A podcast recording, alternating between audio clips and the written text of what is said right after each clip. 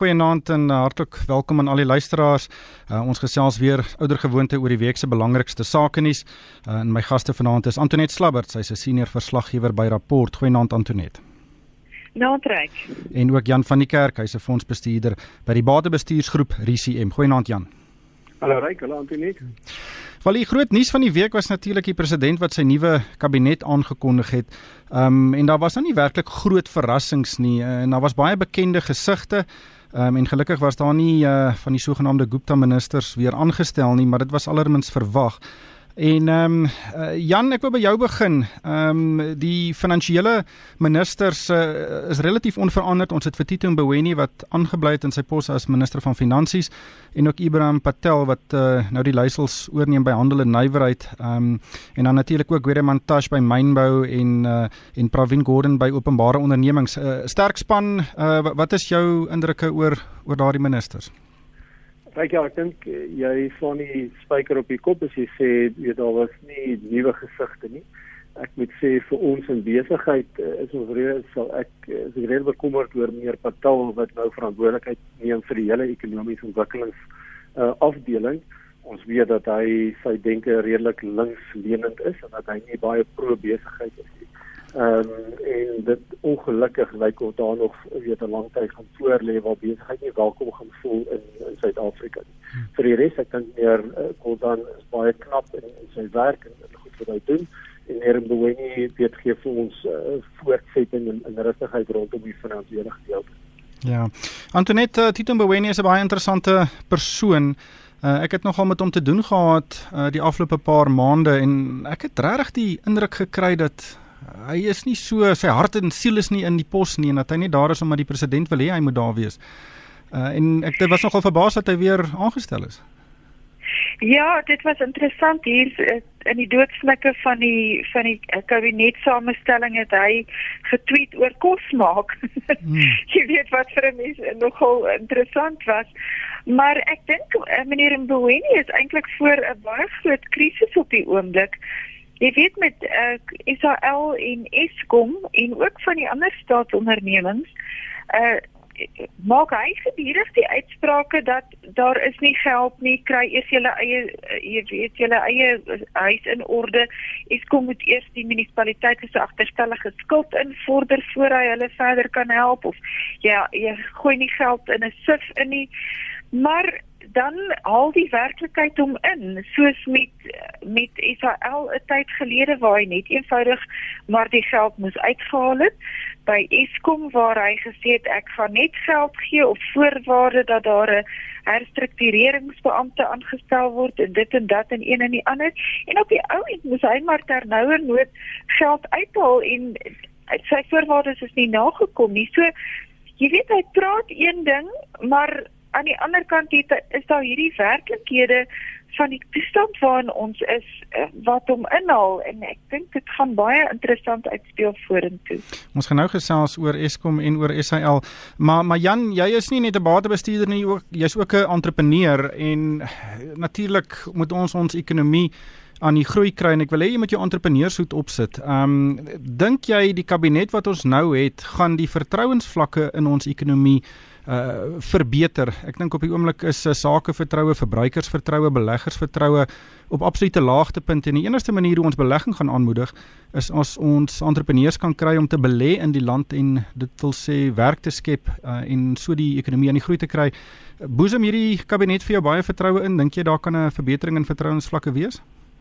Meer ek uh, onomwonde nee ek dink die, die samestelling van die kabinet sê vir jou dat die vordering wat meneer Ramaphosa probeer maak is baie stadig en dat hy baie kompromieë in in plek sit.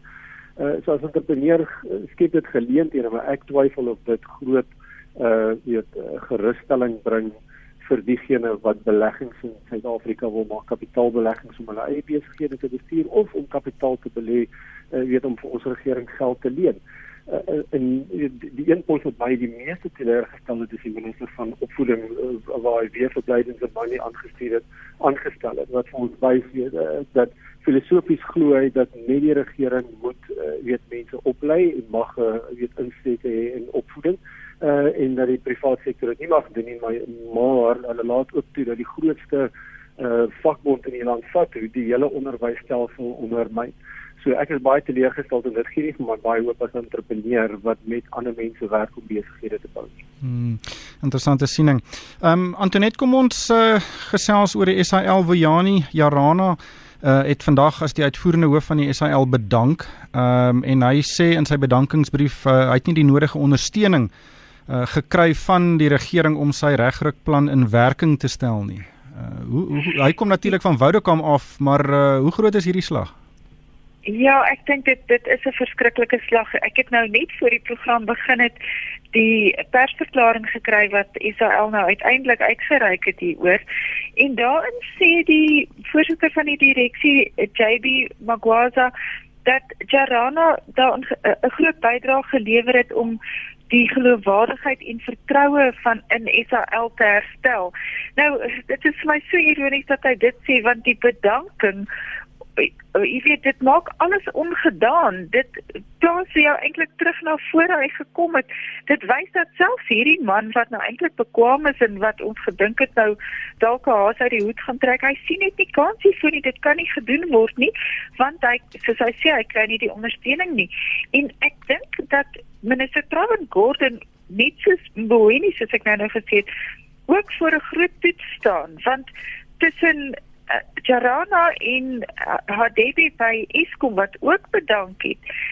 Uh, in en al twee gevalle is daar sprake van onduidelikheid van rolle 'n uh, aandeelhouer en dit is dan nou verteenwoordig deur Mboweni en en Gordon wat te veel inmeng uh, wat die uitvoerende hoofde nie die ruimte gee om hulle werk te doen nie.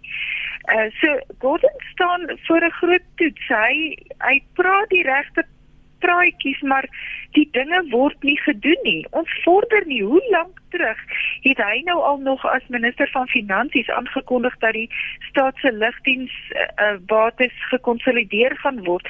Daar het nog niks gebeur nie. En uh, dit is net nie meer goed genoeg nie. Ja. Jan is dit 'n 'n situasie van jy kan nie die SAL omdraai nie al wil jy Ja, ek dink dis dis fisies onmoontlik om SAL weet uh, te verander in 'n winsgewende uh, omgewing behalwe as jy van daardie skuld ontslaa raak en weet onthou baie ander Suid-Afrikaanse instansies uh, besit daai skuld. So dit beteken as die skuld afgeskryf word, veroorsaak jy groot gate op balansstalte en ander plekke en ek is redelik oortuig dat die staat die die staatsdienste pensioenfonds die PIC weet hou baie van daai skuld. So uh net as internasionale banke so uh totdat jy nie daai skuld afskryf nie uh, is is al in permanent in die moeilikheid. En maar nie operasionele wins nie. Dit kan reggestel word maar hoeveelheid skuld waarop hulle rente betaal is net te veel. En dis omtrent dieselfde saak by die SABC en dan uh, weet ook by SA by Eskom. So dis dieselfde probleem wat oral is en ons weet dat die die staat en die politieke inmenging is verskriklik. Veral as jy sien dat politici heeltyd die uitsprake maak dat jy weet ons gaan dit regkry maar ons gaan dit doen sonder om mense te laat gaan sonder om werk te laat gaan. Dit is ongelukkig een van die pynlike goed wat moet gebeur dat ons staatsdiens uh, weet moet gesnoei word wat dit betref. Ja, um, ek sien nie op Twitter uh Eskom het sedert 2007 11 uitvoerende hoofde gehad en die SAL 10. Ehm um, Antoinette uh, sê dit iets Ja, wel ek dink dit vertel die hele storie. Uh as dit nie is dat die dat die mense wat die poste bekleë regtig swak aanstellings is wat hulle met die verkeerde dinge besig hou nie, dan word daar mense aangestel wat nie die bekwaamheid het nie, uh wat dood eenvoudig net nie mas opkom nie of as daar iemand kom wat regtig dalk nog 'n kans het om die regte ding te doen, dan word hy nie toegelaat nie. Jy weet, like ons lees elke dag omtrent maatskappyresultate en 'n mens sien wat doen maatskappyhoofde. As dit sleg gaan, dan ver, verlaag hulle kostes. Hoe verlaag jy kostes as as jou ehm um, loonrekening 'n groot deel van jou kostes is? Dan so moeilik as wat dit is, moet jy mense laat gaan dis die eerste ding en hierdie maatskappy hoofde word nie toegelaat om dit te doen nie. Toe gaan dit by Eskom byvoorbeeld sy heel eerste groot stap wou neem om verlede jaar Junie vir die vakbonde te sê daar is nie is 'n uh, salarisverhoging nie. Dit Pravin Gordhan gegaan en gesê nee, gaan terug tafel toe. En HDB is ondermyn. Hy hy het op die ou end geëindig met 'n uh, omtrent dubbel inflasieverhoging plus nog 'n bonus vir daai werkers en ons weet Eskom kon dit glad nie bekostig nie. Daar's geen ander manier om hierdie maatskappye om te draai as om hulle uh, uh, oortollige werkers te laat gaan nie. Hulle kostebasis moet verlaag word en dan natuurlik dit is nou maar op jou lopende kostes. Hierdie verskriklike werkerskuld moet aangespreek word want dit is nie die die, maatskappye kan dit nie diens nie. Ja, ek dink die boodskap is daar moet iets gebeur en dit gaan ongewilde besluite verg. Ehm um, en ek dink die private sektor moet 'n baie groter rol speel. Uh want jy doeltreffende instellings nodig en op die oomblik is hulle net nie doeltreffend nie. Ehm um, Ja, en die tyd loop uit. Dit is die groot probleem. Jy weet, die tyd om rasioneel ehm um, relatief rustig die veranderinge te kan uh, te kan uh, uh, aanbring. Dit loop uit en dit raak krisisbestuur elke keer en uh, ja, dit is net 'n uh, 'n gemors. Ja, dis nie net die tyd wat uitloop nie, dis die geld ook. Ehm um, maar kom ja. ons beweeg aan Jan, ehm um, Naspers het 'n interessante aankondiging gedoen hierdie week. Hulle het meer besonderhede oor hulle ontknoping van hulle internetbates gegee en hulle gaan nou 'n nuwe maatskappy wat nog nie 'n naam het nie in Julie in Amsterdam en ook in Johannesburg noteer. Ehm um, en dit sal meeste van die e-handelbates uh, bevat. Ehm um, wat het jy gedink daarvan en dink jy dit gaan waarde vir aandeelhouers uh, ontsluit? Ryk nie, ek dink die aankondiging en die en die, die detail wat in die aankondiging beskikbaar gemaak is, is eintlik baie meer teleurstellend as wat ek dink meeste Naspers aandeelhouers voorgehoop het. Ek dink van 'n privaat belegger oogpunt die meganisme waardeur jy nuwe aandele kry as jy dan nou aandele in die Amsterdam maatskappy neem forceer jy om 'n kapitaalwinsbelasting aan te gaan uh wat nie voordelig is nie. As jy dit nie doen nie dan kry jy net ekstra aandele in Naspers. So jy kry meer van dit wat jy het.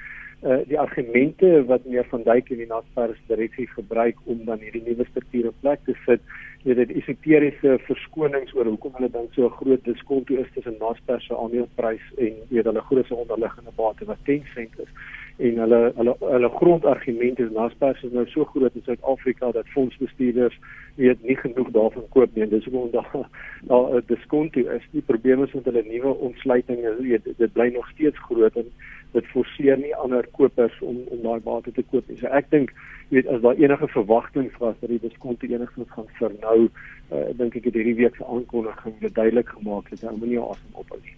Wat sou jy verwag het?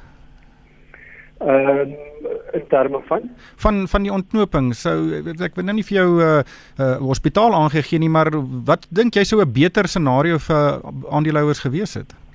Ja, ek dink die die heel beste scenario sou wees vir Naspers om meer van hulle 10 sent aandele te verkoop en die kontant gebruik om Naspers aandele terug te koop. Dit is die mees rasionele manier om dit te doen.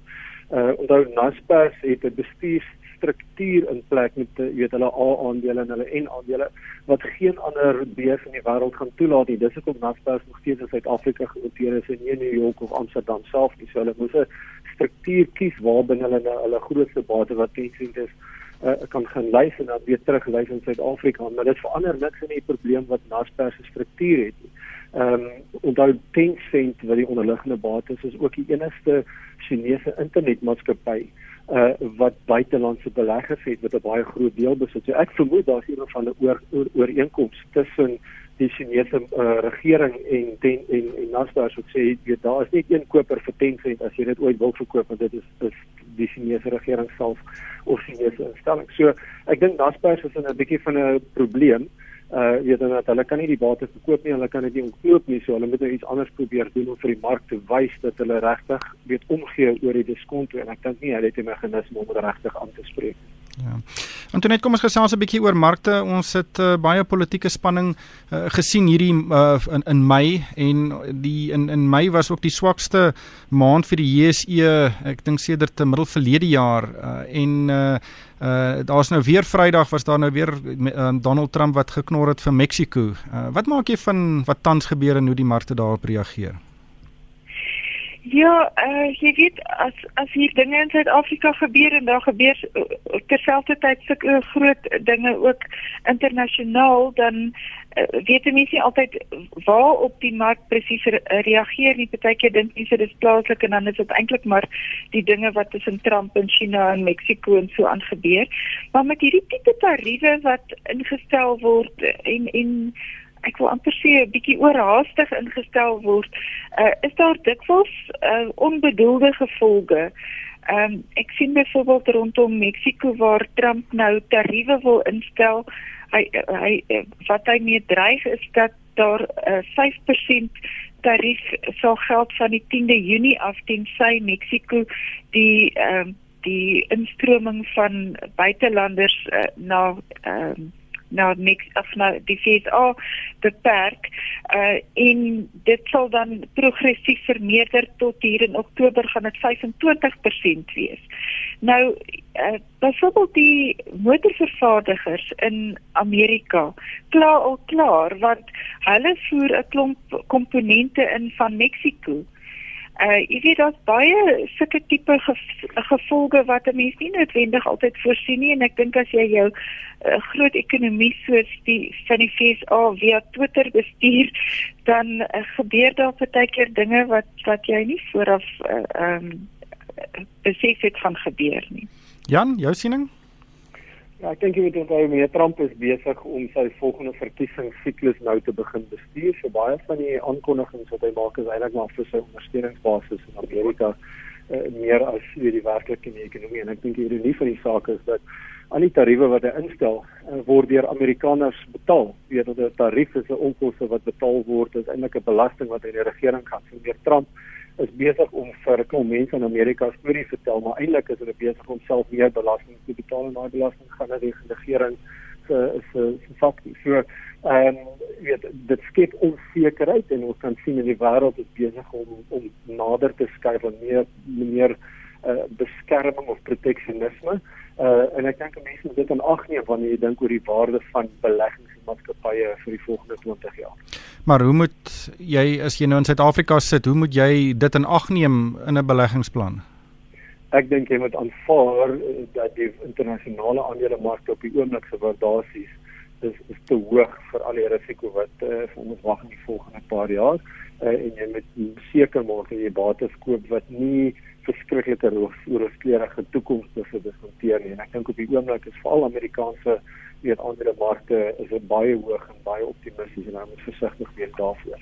Ja. Net laastens Jan, ehm um, 6 jaar gelede het Sibanye Gold nie bestaan nie.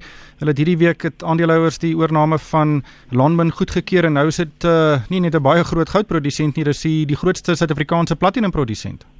Ja, ek dink die goud gedeelte van Sibanye is eintlik nou klein as jy dit vergelyk. Hulle is die grootste platinum produsent, weet, een van die twee grootes in die wêreld en hulle het 'n baie groot palladium myn uh in Noord-Amerika. So meneer Voorman het uh, dit reg gekry om weer 'n baie groot besigheid bymekaar te sit. Hy het kontant skuld en ook van sy eie aandele daarvoor gebruik. Ek wens hom alles van die beste toe want ek dink uh jy dit is 'n baie moeilike industrie om om om in te bedryf. Ja. Wel ongelukkig hierdie tyd ons ingehaal. Baie dankie aan Jan van die Kerk. Hy's 'n fondsbestuurder by die Batebestuursgroep RCM en ook Antoinette Slabbert, sy's 'n senior verslaggewer by Rapport. En uh daarmee moet ons groet van myself Ryk van die Kerk. Baie dankie vir die saamluister en ek hoop almal het 'n winsgewende week.